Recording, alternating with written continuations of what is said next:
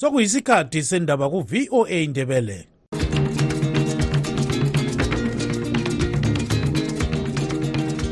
amatshono zihlobo siyalamukela kuhlelo lwethu lwezindaba eziphathelane lezimbabwe. Kustudio 7 eya voice of america sisakaza sisewashington dc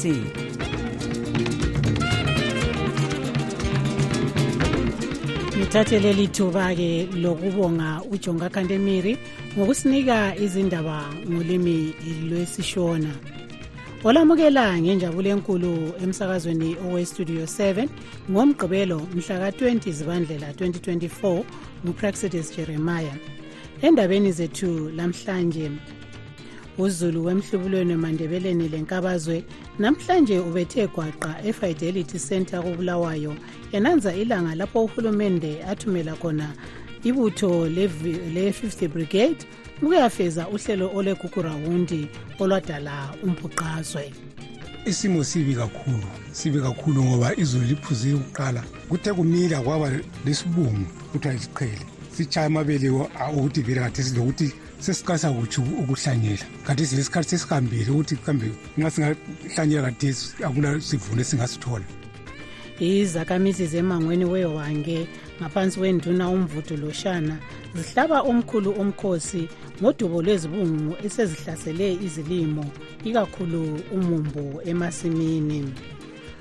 Izibe ngujiki lobhanqa 2 ka-2 phakathi kweqembu elimela eleburkina faso lele-algeria emdlalweni womncintiswano wokudinga intshantshu zomdlalo wenguqu ezwakazi labensundu owenkezo ye-african cup of nations kumbe afcon. Zonke lezi ndaba lezinye lizozizwa kulo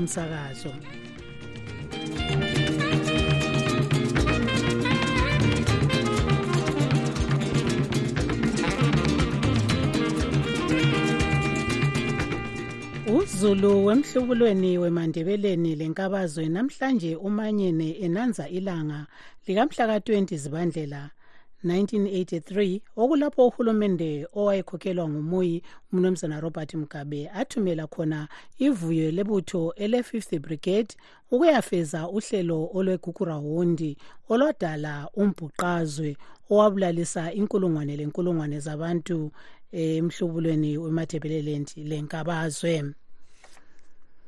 ukunanza leli langa abenhlanganiso elwela amalungelo oluntu eyebheju likazulu. Baqoqe inkulumo zokuhlaziya ukuphathwa kohlelo lokupholisa amanxeba awegugurawundi kulabo abathintekayo balahlekelwa yizihlobo labangane kulesi sihluku. Iningi elikade likulumbuthalo umbuthano owenzelwe efidelity life center kobulawayo namhlanje lithi kalivumelani lokuphathwa kwalolu daba zinkokheli zomdabu. Umabhalane webheju likazulu umnumzana mbuso ofuzwayo uthe yena kabasekeli ngitsho lakancane uhlelo lwezinduna lolu ngoba luchiya phandle abanye ikakhulu abakobulawayo okuzamele ba babuyele emakhaya emaphandleni ukuze bayezwakala labo imibono yabo. Kube kulabasakhulayo abanjengobhenoni ncube ongenela umhlangano walamhlanje othi njengabatsha lokhu bebuzwa lokhu bebuzwa ubuhlungu bombhuqazwe ngendlela abaphathwa ngayo nguhulumende. Kuthi-ke labo abalwa impi yenkululeko bekuviyo lezipra bathi udaba lombhuqazo uhulumende ulesandla esikhulu njalo kaluphathi kuhle. Abanye njalo abebandla lezaphu bathi uhulumende kabakhulule ekuthini bayezitha bayizitha zikahulumende abaphe lempahla yabo eyathathwa ngaleso sikhathi. Umbuthano walamhlanje ungenwe izinkokeli zenhlanganiso ezizimeleyo ezilwela amalungelo kazulu uzulu jikelele lamalunga edale lephalamende ngeviki ezayo uhulumende ukhangelelwe ukuqala okusemthethweni uhlelo lokuba izinduna zingene ebantwini zikhulumisana lozulu mayelana lombhuqazwe wegugurawundi owenzakala ikakhulu emhlubulweni wemathebeleland north le south kanye le inkabazwe kuthi ibulawayo lenkabazwe azikho kulolu hlelo osekudale ukukhathazeka lokwesaba okukhulu kuzulu. Abantu besithi uhulumende nguye owenza lesi sihluku sombhuqazwe. Kungani echiya phandle ezinye izigaba zelizwe? Kanye lokuvalela intatheli zindaba lenhlanganiso ezizilwele ezizimeleyo ezilwela ilungelo loluntu phandle kwalezi nkulumo zokuzwa imibono yabantu ngodaba lombhuqazwe owathatha impilo zabantu abedlula inkulungwane ezingamashumi amabili kanye lokunyamalala kwabanye. Lamlela ndwandwe lamlela ndwandwe lamlelwa msheshwe lamlela nampa bafobembula lamlela ndwandwe izakhamizi zemangweni wewanke ngaphansi kwenduna umvuthu loshana zihlapha omkhulu umkhosi ngodubo lwezibungu esezihlasele izilimo ikakhulu umumbu emasimini. Abantu bathi lokhu sekubafaka kusimo esibi sendlala abalakho ukubhekana layo lonyaka.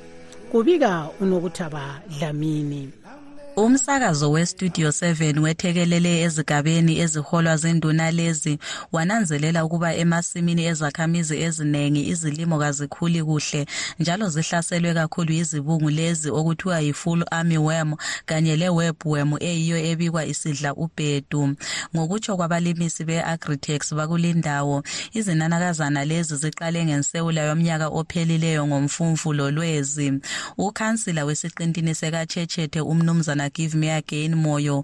Uthi lolu hlupho lokhu lusidla ubhedu. Iqhele leli selidle umumbu abantu inhlanyelo bayithole nzima beyithole nzima kunjalo inhlanyelo. Sekulobudli lo. So into ekhona ukuthi uhulumende kangenele abone ukuthi abantu uyabanika umuthi owenelayo. Omunye wabaphazamisekileyo elima ngohlelo lukagajompo ongusabhuku umnumzana francis mathe wesiqintini sejabulane uthi phezu kwezibungu lezi izulu lalo lina okwenkezo isimo sibi kakhulu sibi kakhulu ngoba izulu liphuzile ukuqala kuthe kumila kwaba lesibungu kuthiwa isiqhele sitshaya amabele okuthi vele kade silokuthi sesiqalisa kuthi ukuhlanyela. Kanti silesikhathi sesihambile ukuthi kambe nxa singahlanyela kade akula sivuno esingasithola. Unkosikazi florence mkandla omunye wabosobhuku ehlanganani uthi imhogoyile isilothise iningi emasimini kanye lezivandeni kwesinye njalo ikati lilala eziko emizini eminingi sisendlaleni okokuthi ngoba kasilalutho kangasilela lutho unkosikazi lilian ncube uthi ngendlela izibungu lezi ezihlasela ngayo sekungathi kukhona ezikuhlolayo. Indima zonke engazilimayo lezana engizilime ngezandla ubusanda kusungula umumbu wankhona ukuphuma. Ah isibungu sakho asatsho sangena so le nhlanyelo ukuthi namhla uqabange sekudliwe kusasa futhi uqabange amanye amagodi akhona agcina vele sengasela lutho. Umancube uthi phezu kwalokhu lokuvukela elandelela emasimini kuba nzima ngoba esondla ingane ekhubazekileyo okuyimvama emizini eminingi emangweni lo. Ngoba ngumntwana ongeke wamshiya yedwa ngumntwana ongeke wahamba laye futhi emasimini njalo le ndlala ikhulile. Besiphila ngokuthengisa ulude kade silokuthi ulude ulukhe uhambe uyethengisa kuyabe songasayenzi ngoba umntwana uyabungela ukuthi uyamchiya lobani ngenhlupho ezifana lalezi ukhansila moyo uthi sekuyisikhathi uhulumende ngaphansi kogatsha lwe-social welfare kanye labalimisi be-agritex okufuze besondele eduze besize izakhamizi ezifana lomancube.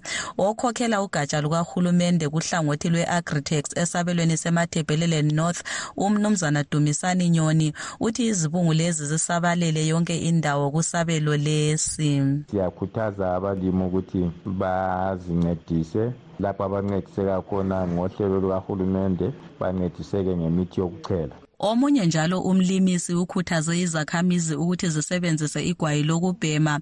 Belihaze emasimini ngoba lalo lisiza ukubulala izibungu lezi. Phezu kohlupho lolu elezimbabwe libhekane njalo lokufa kwezifuyo ikakhulu inkomo. Lokhu kubangelwa yisifo semikhaza kanye lesomiso sendlala i-el nino ebangelwa yikuguquka komkhathi i-climate change. Ingcwethi zomkhathi ezithi ikhangelelwe ukuqhubeka okweminyaka emibili njalo izadala ukudala indlala esabekayo kuzulu.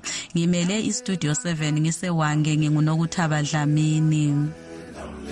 Lamlela mshweshwe. Lamlela nampa bafowembula ngugama. Lamlela okwamanje wothi sizwe ukuthi usitandekile mhlanga owestudio 7 usiphatheleni esigabeni lapho esikhangela okuphathelane lentuthuko yabesifazana.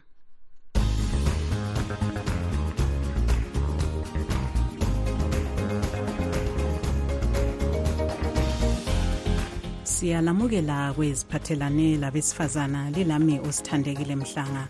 Lamuhla sicubungula okukhathaza abesifazana labasakhulayo okugoqela ukusetshenziswa kwezidakamizwa lokusilela kwamanzi. Sixoxa lo nkosikazi mabel mpala umqeqeshi wenhlelo uward 28 wobulawayo ekunhlanganiso yebulawayo progressive residence association ku-ward 28 okungabe kuxaka omama lamankazana indaba yamanzi kakula manzi amanzi siwathola every seven days at times eight or nine days or even ten days. So umuntu ongumama natural wadalela ukuthi angahlalahlala ayirefresha ageze mpitshana. So nxa kungalamanzi for asithi at least seven days umuntu ongumama kuye kuba nzima kakhulu kulezibhorane yes zikhona ezinye ziyasebenza ezinye kazisebenzi. Kodwa kuyabe sokulamalayini amakhulu. Okungangokuthi umuntu ongumama sephinda esiyathatha more hours eselangeni egcekeni emelele ukuthi echovise izigubhu zakhe angena akhelele abuye ngikhaya kuzokuthi olunye uhlupho olungabe luhlangana lama-youth in general esigabeni sethu ontanga labasakhulayo um sesingenelwe jikelele izimbabwe yonke luhlupho lwama drug and substance abuse labo kabantwana be-country park kabasalanga kulokho bawelile phakathi kwechibilele libi. Sibabona nje belela abanye emgwaqweni sebekunathile kwabagenqula esihlabela omunye lele nje omunye sezimisele ebafaneni kakhulu. Then emankazaneni sibona nje ukuswelakala kwento yokwenza. Mhlawumbe no-youth center akulanto yokwenza okukhona ngama-programs abuyayo lezinye nje inhlanganiso zama-ngo azibuyi nsuku zonke zibuya ngemva kwesikhathi. Kukanti la amanye amalanga abantwana babe bengalanto yokwenza esingathi ngesikhiwa babe sebe-idle bengaselanto yokwenza intsha ngabantu abasa aba-hyper active bafuna ukuhlala nje besenza senza behambahamba bayele bayele. So sebethatha isikhathi sabo besenza okungekho okungekho right for impilo yabo for ikusasa labo. Kuyini uhulumende angaphathisa ngakho ngalolu hlupho? Njalo sikhuluma nje zikhona yini ezinye inhlelo alazo? Ngoba sake sabona amapholisi ephatheka. Ngokubopha abathenga labathengisa izidakamizwa. Uhulumende-ke kulokhu bengakaze atsho ukuthi njengoba siyaripota siyakukhuluma kumhlangano ukuthi singacela ukuncediseka mhlawumbe kube lama-youth centers owama-library angakhipha abantwana entertained besingakazi siphiwe um isithembiso sokuthi sizenza lokho kuke kwaba khona ama-wi-fi akade khona ethubeni elidlulileyo maybe some three four months back abantwana abaningi besebezilibazisa khonapho kuma-wi-fi lawo. Kodwa khonapho besasekuzilibaziseni sinanzelele futhi njalo enye ingozi ekade mhlawumbe singayinanzeleli njengabahlali njengabazali be-ward 28 abantwana laba ku-wi-fi khonaphana besebevula lezinye izinto ezingayisizo. Anti umuntu sele-access to internet besebesebevula lezinye izinto ezingayisizo befundisana futhi okungangokuthi um ukubuya kwe-wi-fi kuhle kuphinde thina sithi wo sokukubi njalo. Ngokuthi nampa phela lo kade engakwazi sedonswa yilabo abakwaziyo bethi ah kulalokhu bona lokhu bona lokhu efonini yami. So silokucela lokukhalaza kakhulu kuhulumende wethu ukuthi ngabe kuyahlalwa phansi sibonisane ngentsha le esitshabalala sincedisane ngentsha le esesibona ingani sokulokutshabalala sibone ukuthi singabagoqa njani bagoqeke. Ngiyabona nxa ukhuluma ngama-wi-fi umnumzana mthuli ncube ekhankasela ukhetho usungule ezinye inhlelo ezigoqela ezezibholane khona ngapho ecountry park aziphathisanga yini? Kwaba lobubelo sibili ku-there's a great change. Um ilokishi likhulule this is the biggest uh, location in bulawayo and probably the second biggest in zimbabwe. Abantu inumber yabantu i-population is too much versus amabhowel akhona agejile sibili amanye asebenza amanye hayi ade ngakaphilisi. Ayasinceda iwould say ayasinceda but we still need some more leyo bekuyingxoxo lo nkosikazi mabel mpala umqoqi wenhlelo kuward 28 ecountry park kobulawayo ekunhlanganiso yebulawayo progressive residents association. Asidibaneni njalo ngomgqibelo ozayo. Lilami usithandekile mhlanga ngikhonapha ewashington dc ephuma enkundleni lapho-ke usithandekile eh udedela kuchris gande yena-ke osethulela uhlelo liphuma le ndaba litshone le ndaba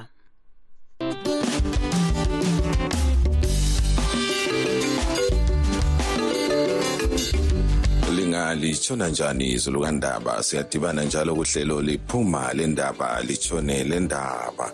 Igama lami nguchris gande lamhlanje kuhlelo lwethu sixoxa lo mnumzana mandla nkomo ingcwethi kwezokulima. Okwakuqala ngiyakwamukela kuhlelo mnumzana. Eh ngiyabonga Chris labalaleli bonke baka Studio 7 ungathini ngomkhathi? Ye Chris nxa sithi siyakhangela eh, ama-climatologist eh, basitshela ukuthi eh, eh, umumo womkhathi uzahluka kancane. Ekuthini eh, izulu esilijayele ukuthi lifike ekupheleni ka-October libe khona eh ngoNovember langodisemba. Kalisoze kube njalo. And nxa uthi yananzelela uzathola ukuthi eh, eqinisweni ikhona okwenzakeleyo. Eh, nxa uthi ubuchecka ezabelweni kakhulu eh, eza southern part of izimbabwe ubuthola ukuthi abantu abaningi by christmas bebeloke bengakalimi ngoba izulu belingakeneli ukuthi umuntu akwanise ukuthi ahlabe umfolo kodwa ngemva kwekhisimusi siseqela kumnyaka omutsha lingani libe lokuqinisa laba khona so nxa sithi siyaqhathanisa lalokho eh izanuse ebezisitshele so khona eh sibona ukuthi hayi kuliqiniso ngempela and sikhangelele ukuthi mhlawumbe kusiya kunyangezayo phakathi kwayo lizabaleka izulu eh phose kube kuphela kwalo. So nxa ngithi ngiyananzelela mina ngibona naye okwakathesi indlela ababe sitshele ukuthi El Nino izakuba njani ngibona ngani okwakathesi ibe njalo ngempela. Manje nxa sikhangele osokwenzakala khona lokhu ungabaxwayisani abalimi ngalesi sikhathi? Eh isixwayiso sethu esikhulu okusokuqala bekuyikuthi ngalesi sikhathi esesikiso eh abantu akufanelanga ukuthi behlanyele inhlanyelo eh ezithatha isikhathi eside ukuthi zivuthwe. That's number 1 okwesibili eh abantu kabahlanyele eh, izilimo ezenela ukuthi zimelane lesomiso. So lapha nxa sikhuluma nge eh, ngama, ngama varieties angathathi isikhathi ukuvuthwa sikhuluma ukuthi laba abazafuna ukuhlanyela umumbu fanele bekhethe lokho abathi ngama-early kumbe ngama-ultra early maturing varieties. Eh kuzabasiza ukuthi ukuba khona kwezulu okukhona kathesi kwenelisa ukuthi izilimo zabo eh, zimile zihlume zikhule eh, njalo zenelise ukuthi eh, zifike esikhathini sokuthi siyavuthwa Uh, okwesibili nxa ngikhuluma ngezilimo ezenelisa ukumelana lesomiso ngikhuluma lezilimo ezifanana lonyawuthi eh, lamabele lophoko eh, and eh, lezinto ezifana eh, lamajodo lamathanga uh, lamakhomane izinto ezizashesha zivuthwe eh and njalo zizanceda abantu eh ngesikhathi sobusika so isixwayiso sethu esikhulu eh bese sithi lapha eh ekuphatheni kwezilimo eh siyaxwayisa njalo ukuthi abantu benze izinto ezizancedisa eh ukuthi eh ukuba manzi komhlabathi kungatshetshi kubaleke. Eh ngezinye indlela sithi moisture retention. Eh kuyakuthiwe abantu besebenze abo mulch kumbe behlanyele ngendlela lesikhona kathesi okuthiwa igatshompo eh and lapha abafaka ukufakeka khona umquba bewufake ngoba lawo uyancedisa ukuthi eh, amanzi eh, engabaleki. Eh yikho kuqhakathekileyo ke lokho lokuthi eh, ekuhlakuleni lapha. Abantu beqinise sibili so that eh, izilimo zabo zingayenzi ujikilo bhanqa lokhula. Okungenza ukuthi eh, izulu lithi selibaleka izilimo zabo ziloke zingakakhuli ngendlela okufanele ukuthi ngase zikhule ngayo. Okokugcina ungavalelisa abalaleli. Bese ukuqeda ngokubonga abalaleli abalimi kwindawo zonke nje zakwelakithi lezimbabwe ukuthi yisikhathi esinzima esikiso. Kodwa nxa singazilungiselela ngokweneleyo silandele izixwayiso eh, zabalimisi eh, lezanusi zomkhathi. Ngibona ngani lanxa kuzaba nzima sizenelisa ukuthi siphutshe eh, leli banga esikilo kathesi. Ngiyabonga. Lo-ke bekungumnumzana mandla nkomo ingcwethi kwezokulima ebesixoxa laye kuhlelo liphuma le ndaba litshone le ndaba. Igama lami nguchris gande. Asidibaneni njalo ngeviki ezayo sikhathi sinye. Lilale. Kwabasanda kusixhuma singumsakazo owestudio 7 eye-voice of america esakaza ise-washington dc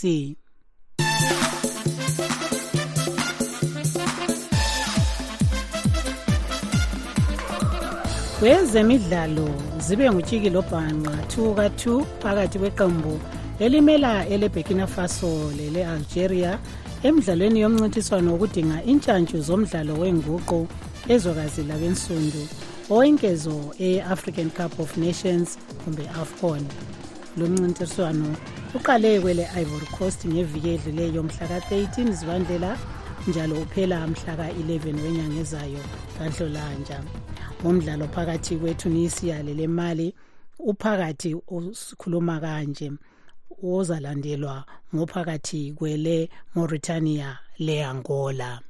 The voice of America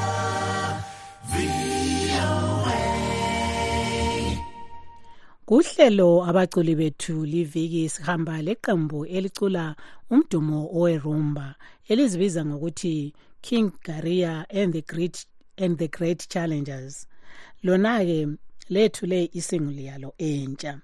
Iqembu leli lidabuka echolocho kodwa lisebenzela likwele South Africa. Nangu umholi walo umlungisi Ncube exoxa lontungameli Nkomo owe Studio 7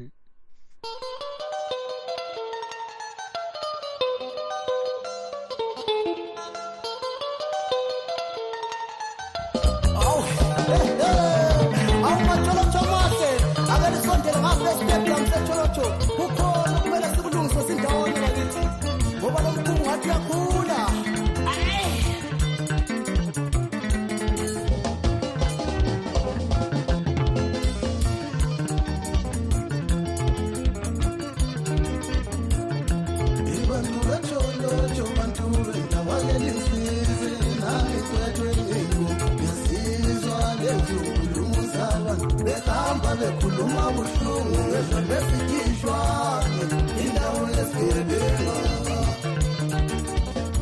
salibonani lonke balaleli eh, bestudio 7 obingelelayo ngumlungisi ncube umholi weqembu le-king garia and the great challengers ijaha elizalwa echolocho esigabeni sasegaria eh nanso ingoma yethu entsha entsha new ithi itoyitoyi ngoba besitoyatoya kakhulu ngayo um ma lingayilalela kahle izayizwisisa mpela ukuthi hhayi bengitoyatoya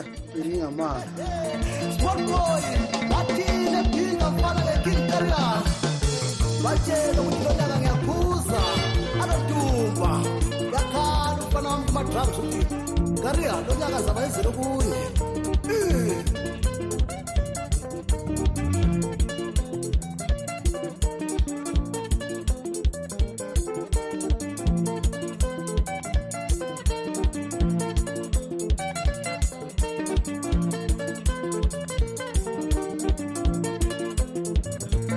abangathanda ukuthenga umculo wakho kumbe ukuxhumana lawe bakuthola njani? Um bangithola ku-069 59 w1 800 um uyakwazi ukungithola njalo kufacebook. Ungachekha nje mlungisi king garia um uyakwazi ukuxhumana nami. Kuyoutube ngayifaka yaba yodwa kodwa hayi yonale kanti-ke ezinye angakazifake kuyoutube so zisatholakala kimi zonke ingoma zami ubachiyela wapha amazwi abalandeli. Sicela isapoti abantu bekwazi ukuthenga ama-orijinali abantu bekwazi ukuthenga ingoma umnikazi wezingoma ukwenzela ukuthi naye elangazelele ukulenzela okunye okumnandi kusasa njalo akhule. Saba ngodumo lwayo bakithi indawo edume yonke indawo noma ungayemelika uzezo bekutshela obhama bethi kulejwane ijwane sendawo encane bafana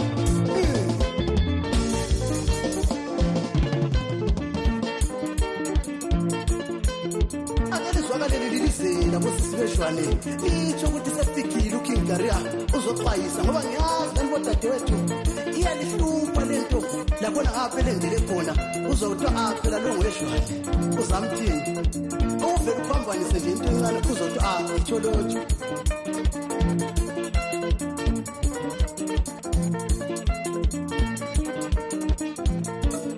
sondelani bafana bamaprenu lisondele lanike lidunuze like libonise ukuthi thine shwane asinaso isigcine siphasa mulomu ishwane indawo eyadalwayo kwesisu sinikelwa kubantu abayithandayo yikho libona lodumo lusilandela ngalindlela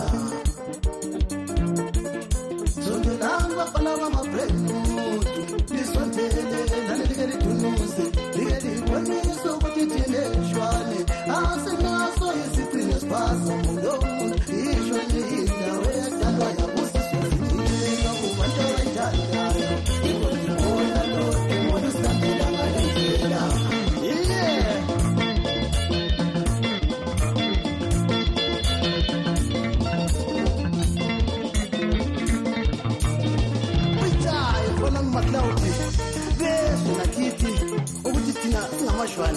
singabafana basimati asinadubo lo muntu abantu nje basifake enkingeni zabo.